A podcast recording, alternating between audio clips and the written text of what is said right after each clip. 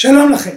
ההפטרה לפרשת שלח לך, שעוסקת בפרשת המרגלים ובהשלכות שלה, היא כמובן סיפור המרגלים בספר יהושע.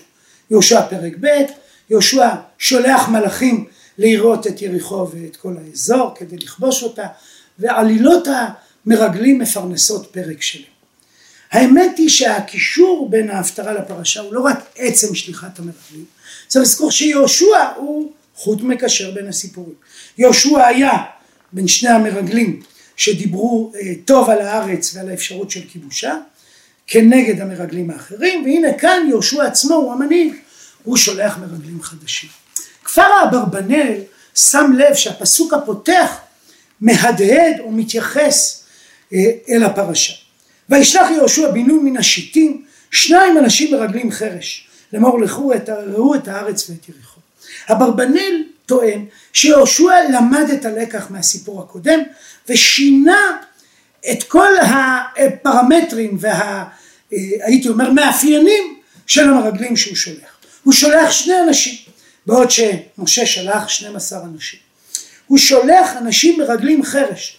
האנשים אין להם שם, הם לא נציגים של שבטים, הם אנשי מקצוע, הם שב"כניקים או מוסדניקים, והם אנשי חרש, אין להם שמות בסיפור, הם עלומים כחלק מתיאור משימה שבה אני אומר א' צעד, ג' ענה לו, אני יוצר איזושהי תחושה של דמויות נסתרות בתוך הסיפור. לעומת זאת בפרשת השבוע יש רשימה ארוכה ומפורטת מי נציג מאיזה שבט כשהתורה אומרת במפורש שמדובר בנשיאי העדה. כלומר בעצם משה שלח סוג של משלחת פרלמנטרית נציגות של כל המפלגות כל השבטים ואפילו הבכירים שבהם ואילו יהושע שולח שאנשי מוסד לפתור בעיה בארץ נכר ההבדל במספר פתאום מקבל משמעות אם הם נציגי שבטים צריכים להיות 12 ואם הם אנשי אה, פעולה, אנשי שטח, אז שניים זה יחידה טובה לצאת לפעילות של מרגלים. המילה חרש אולי אפילו גם היא מהדהדת פנימה והחוצה. כלומר לא רק חרש במובן שאלה אנשי, אה, אנשי ריגול שקטים, אלא גם הציבור לא יודע שהם נשלחו.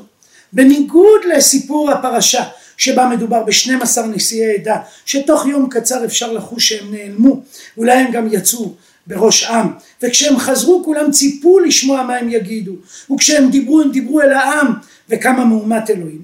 הרי שבפרשה כתוב וישובו שני אנשים וירדו מההר ויעברו ויעברו ליהושע בן נון ויספרו לו את כל המוצאות אותם אין פה איזה ציבור רחב שממתין לשמוע אלא פעולה חשאית שגם אם התוכן שלה יהיה שלילי היא תיאמר בחדרי חדרים ולא תשפיע על הציבור כולו. אולי ההבדל הוא גם בהוראה עצמה. בניגוד לפר... לפרשה שבה יש למרגלים שתי משימות. משימה אחת שהיא משימה צבאית אה, שקשורה אל הנגב ולכניסה אל הארץ. ומשימה שנייה שהיא משימה יותר רחבה של לראות את כל הארץ הטובה עם רעה. כאן המשימה היא מקומית. היא משימה מפוקסת. לכו ראו את הארץ ואת יריחו, והביטוי פה הארץ פירושו את האזור המקיף את יריחו. זו הרעה קונקרטית לגבי יריחו עצמה.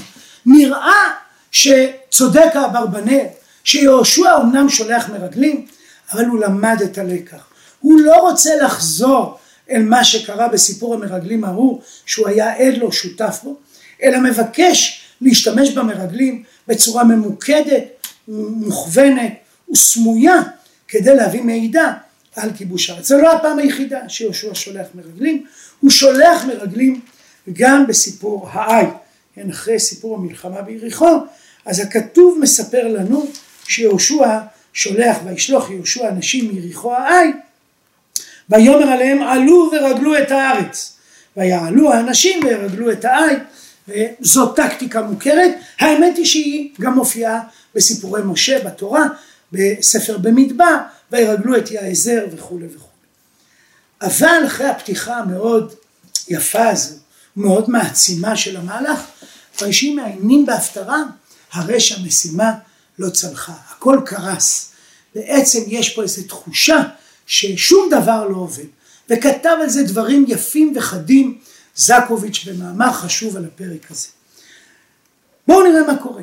אומר הכתוב, וילכו ויבואו בית אישה זונה ושמה רחב, וישכבו שם. הביטוי אישה זונה, הוא מיד מעלה את השאלה למה דווקא לשם. ונדמה לי שהתשובה יכולה להיענות במובן הכי פשוט. אנשים זרים מגיעים למקום זר, הם אה, מציגים עצמם כנראה כסוחרים או כאנשים העוברים בדרך, הם צריכים מקום לישון. בימי קדם התמונה היא תמונה של איזה סוג של מבנה שיש בו מקום אוכל ואירוח וכשאני אומר אירוח זה גם מיטה וגם אישה. במובן הזה ההליכה לבית אישה זונה הוא טבעי למרגלים המציגים את עצמם כאנשים העוברים במרחב ומחפשים מקום ללון בו. אבל אין ספק שהביטוי גורם איזה סוג של קיבוץ מסוים. אין ספק שהביטוי הזה אישה זונה הוא צורם במשהו. הוא גם מזכיר לנו את נשות הארץ שמהם התורה מזהירה בכל מיני מקומות בתורה עצמה, שמות כ"ג ומקומות אחרים. אבל יותר מזה הוא התיאור של הפרק את המרגלים. אומר הכתוב ויבואו בית אישה זונה ושמה רחב וישכבו שמה. המצלמה אינה מצלמת אותם משוטטים בעיר, אוספים רשמים, מנתחים את המצב. הדבר הראשון שהתורה, שההפטרה מספרת לנו זה שהם הלכו לנוח, שהם הלכו לישון. האם הייתה שנת צהריים, אה, שהרי הסיפור הוא לקראת ערב, הביטוי הזה יוצר תחושה של מרגלים קצת שלומיאלים, של מרגלים שכשהם מגיעים, הדבר הראשון שהם עושים זה הולכים לנוח. והדבר מתפתח עוד יותר כי בפסוק הבא ויאמר למלך יכול לאמור הנה אנשים באו הנה הלילה בבני, מבני ישראל לחפור את הארץ. תוך רגע אחד ספרותי כבר יודעים שהם הגיעו ותוך רגע שני יודעים היכן למצוא אותם. וישלח מלך ריחו אל רחב לאמור הוציא האנשים הבאים אלייך אשר באו לביתך כי לחפור את כל הארץ באו. הם לא מספיקים לעשות כלום ותוך רגע קצר כבר מחפשים אותם בבית רחב ותיקח האישה את שני האנשים ותצפנו והם עולים אל הגג ומתחבאים שם תחת הפשתן, כלומר הם לא מספיקים להביא שום דבר, לא מספיקים לבקר בעיר, לבדוק אותה, להסתכל מן החומה החוצה, לנתח את המצב שבעצם קורה כאן. התמונה הזו היא תמונה של בעצם כישלון. ככל שהעמקנו בהכנות, הרי כשבפועל הדברים קורים, אין תחושה בסיפור של מרגלים שהצליחו במלאכתם. זקוביץ' מעיר שאפילו ברמת השמות יש פער.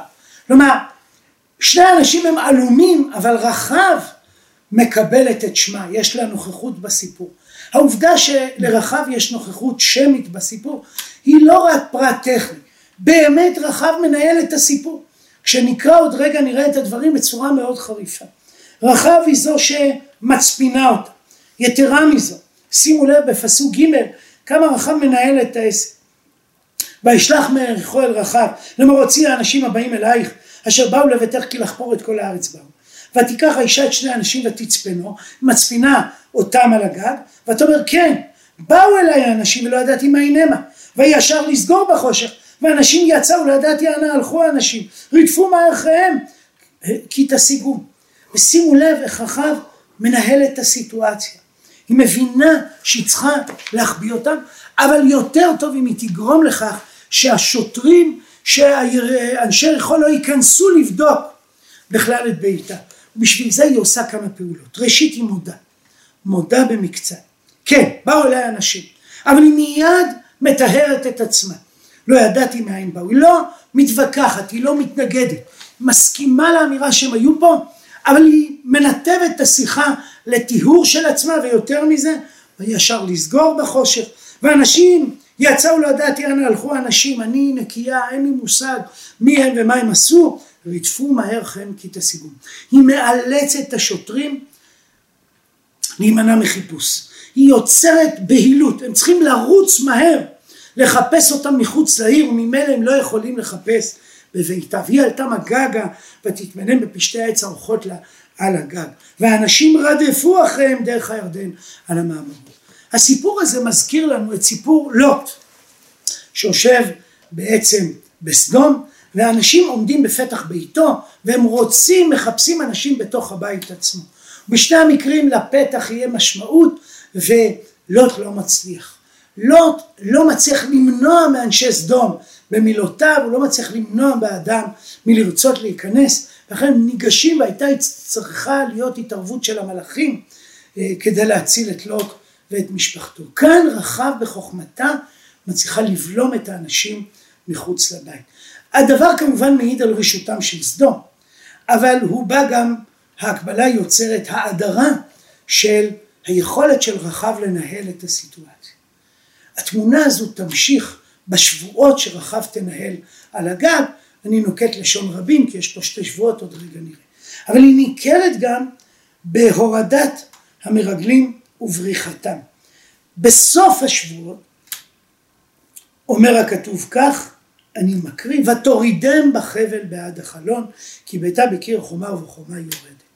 היא מורידה אותם החוצה, ושימו לב ללשון, כמה היא אקטיבית וכמה הם פסיביים.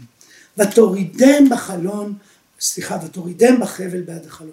לא וירדו, אלא ותורידם. היא זו שמניעה, היא זו שקובעת, היא זו שמובילה. הם פסיביים בתוך התמונה, ולכן היא, היא מנהלת אותם, והיא קובעת להם את הדברים. יתרה מזו, כשאני ממשיך עם הסיפור, אז ותשלחם וילכו. ממש שומעים אותה פועלת. יתרה מזו, היא גם מבקשת אות ומקבלת, ויש לה גם עצה מה לעשות. ותאמר להם, ההר לכו פן יפגעו בכם הרודפים, ונחבאתם שמה שלושה ימים. התמונה הזו שרחב כל כך משמעותית, ואילו המרגלים כל כך אנונימיים וחלושים ואינם פעילים, מובילה לחשוב שבעצם הסיפור הוא סיפור של כישלון במובן מסוים. כשהם באים כתוב ויבואו אל יהושע בן נון ויספרו לו את כל המוצאות אותם ויאמרו אל יהושע כי נתן נאי בידינו את כל הארץ וגם נמוגו כל יושבי הארץ מפנינו. עכשיו מה זה ויספרו לו, כן, ויספרו לו את כל המוצאות אותם. יש פרשנים וחוקרים שטוענים שהיה להם מידע צבאי וזה מה שהם סיפרו. לעניות דעתי אני חושב שזקוביץ צודק הסיפור הוא סיפור שאין להם מה להביא. מה יש להם לספר? המוצאות אותם. את מה שרחב עשתה, מה שהיה, מה שהיא סיפרה, השבועה שהייתה להם מול, מול רחב. כלומר, באמת הם לא הביאו, אם המטרה היא לראות את הארץ ואת יריחו, הרי שמידע צבאי הם לא הביאו. והדבר הזה, אם זה הפרמטר, אז הסיפור הוא סיפור של כישלון. אבל האמת היא שדווקא הכישלון הצבאי פותח רובד אחר בסיפור, הוא רובד יותר מורלי, מנטלי, תיאולוגי בתוך הסיפור. הסיפור בנוי משבועה רחב, עוזרת בעצם לחייליו של יהושע, ומבקשת שהם יגאלו אותה ויטו לה חסד כשהם יבואו ויכבשו את יריחו, הרי שהם יצילו אותה ואת בני משפחתה. אבל מה שמוזר בסיפור זה שאחרי שהיא מדברת, מספרת שהיא מבינה וכולם מבינים שהם עומדים לנצח והיא מבקשת מהם עזרה וחסד, הם עונים לה ויאמרו לה אנשים נפשנו תחתיכם למות אם לא תגידי את דברנו זה והיה ביום ט' אדוני לנו את הארץ ועשינו עם החסד ואמת. ותורידם בחבל, לכאורה הסיפור נגמר, יש שבועה. ותורידם בחבל בעד החלון, כי ביתה בקיר החומה ובחומה יושב. כל הפסקה הבאה היא פוסקה מוזרה ביותר. ותאמר להם ההר הלכו, זה עוד מובן, ואמרו לה אנשים נקיים אנחנו משבעתך זה אשר השבעתנו.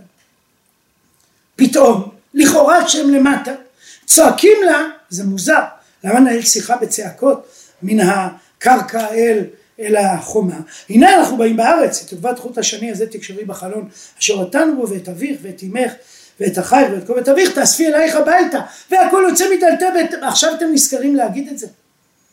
עכשיו כשאתם למטה כשאתם צריכים לצעוק את כל הכללים והתנאים למה זה לא עלה בשיחה על הגג?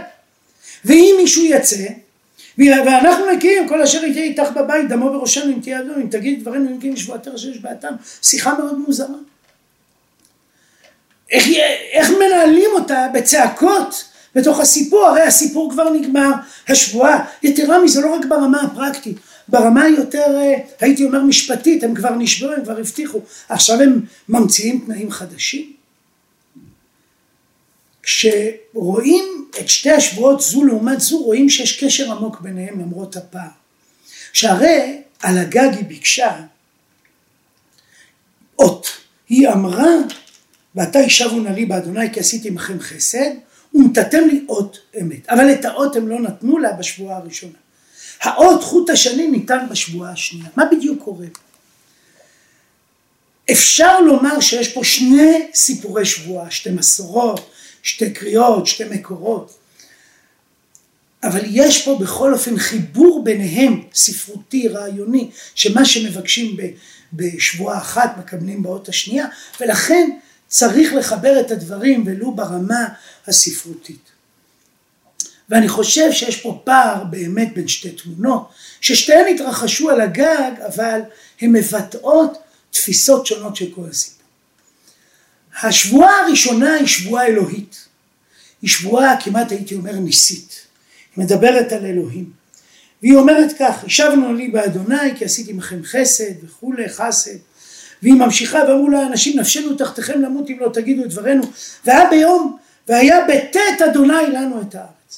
שאלוהים ייתן לנו את הארץ אז אנחנו מבטיחים אם תחיי אותנו מבטיחים להצליח. השבועה השנייה פניה שונות לחלוטין.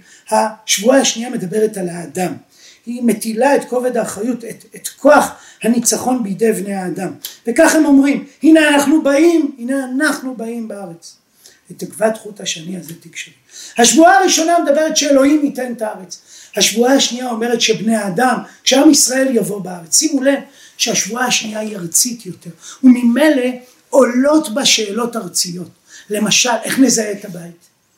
תקוות חוט השני תבואה בצבעי השבועה השנייה.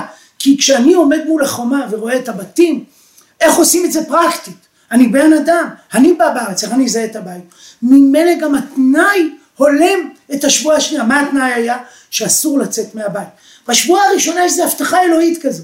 מבטיחים לך שכשאלוהים יביא לנו, יבוא, יכבוש לנו את הארץ, אנחנו נעשה איתה חסד. השבועה השנייה כולה ישראלית, כולה תבואה בצבעי אדם, ולכן צריך לעשות תנאים, אסור לצאת מהבית, צריך חוט שני כדי שנדע, צריך להדגיש את הנה אנחנו באים בארץ, וממילא מה שיהיה לידה זה הוראה לברוח להר כדי לתת למשלחת. בעצם לשוטרים לפספס אותם. אני חושב ששתי השבועות נעשו על הגג, אבל הם הופרדו כדי לייצר תמונה מופרדת של שני עקרונות. האחת הולמת איזה גג שמימי כזה, שבו מדברים ברמה מאוד מהותית, אלוהית כזו ניסית, והסולם מוצב ארצה, השבועה השנייה מקבלת פנים של ריאליות ארצית. והאמת היא ששתי השבועות יחד הם ציטוט של דברי רחב עצמה. מה תרמה לנו רחב בסיפור? היא תרמה לנו את תרומת המורל, סיפרה לנו מה הלך רוח, מה מאפיין את יושבי כנען, והיא בזה סיפקה כוח משמעותי לנכנסים לארץ. אבל היא תרמה עוד תרומה אחת מאוד משמעותית, וזה התרומה של הפענוח של הסיפור. שימו לב לסיבתיות הכפולה שרחב מדברת בה.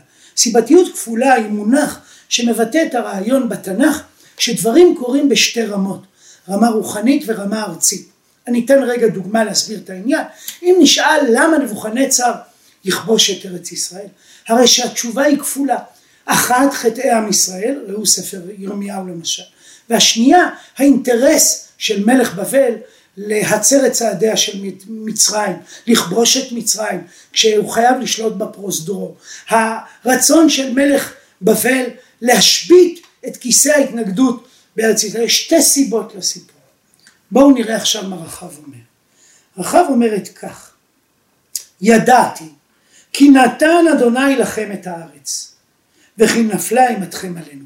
היגד אחד על אלוהים, נתן אדוני לכם את הארץ. היגד שני על עם ישראל, וכי נפלה אימתכם עלינו. ושוב, וכי נמוגו כל יושבי הארץ מפניכם. ושוב, כי שמענו את אשר הוביש אדוני את מי הסוף מפניכם. אלוהים, ואשר עשיתם לשני מלכי האמור. התמונה שרחב מציעה לנו היא תמונה של מבע כפול, של סיבתיות כפולה, של ההבנה שיש פה מהלך כפול, יש מימד אלוהי, יש מימד ארצי. לשבועה חייב להיות מימד אלוהי, איזו אמונה שאלוהים נותן את הארץ וממילא אנחנו מתחייבים להציל, להציל אותך בשבועת אלוהים. אבל חייב להיות לזה פנים ארציות. צריך עוד שני, צריך החלטה איך מזהים את האנשים, צריך הוראה להתחמק מן המשטרה של יריחו המחפשת אותם. הדבר הזה בולט בסוף הסיפור כשהמרגלים מביעים את זה ויספרו לו את כל המוצאות אותם כאן אני מכניס את האירועים ואת השבועה ואמרו ליהושע כי נתן אדוני בידינו את כל הארץ הגד אלוהי וכי נמוגו כל יושבי ארץ מפנינו הגד ארצי ובעצם הם מצטטים את דברי אחר. כלומר החוט השני החורז את חוט שני פה ממש החורז את הפרשה הוא המבע הכפול בדברי רחב, הדיווח הכפול של המרגלים ושתי השבועות היוצרות תמונה אחת שלמה. אני חושב שהסיפור הזה הוא לא סיפור על כיבוש הארץ, הוא סיפור על איך אנחנו צריכים להסתכל על העולם. ובכלל ספר יהושע, הרי הסיפור לא הצליח, לא היה צורך במרגלים, הסיפור במובן מסוים היה מיותר, הרי אלוהים יפיל את החומות, אז בשביל מה מקדישים פרק שלם לסיפור מרגלים שלא צלח? אפשר להציע ויש שמציעים שהסיפור רוצה לומר אין צורך במעשה בני אדם ולכן גם המרגלים בסיפור ההוא ייכשלו כי ספר יהושע מתנגד למרגלים באשר הם. אני נוטה להציע לכם מן הפרשה ומן הניתוח הזה שדווקא המסר של הסיפור זה צעידה של יד ביד.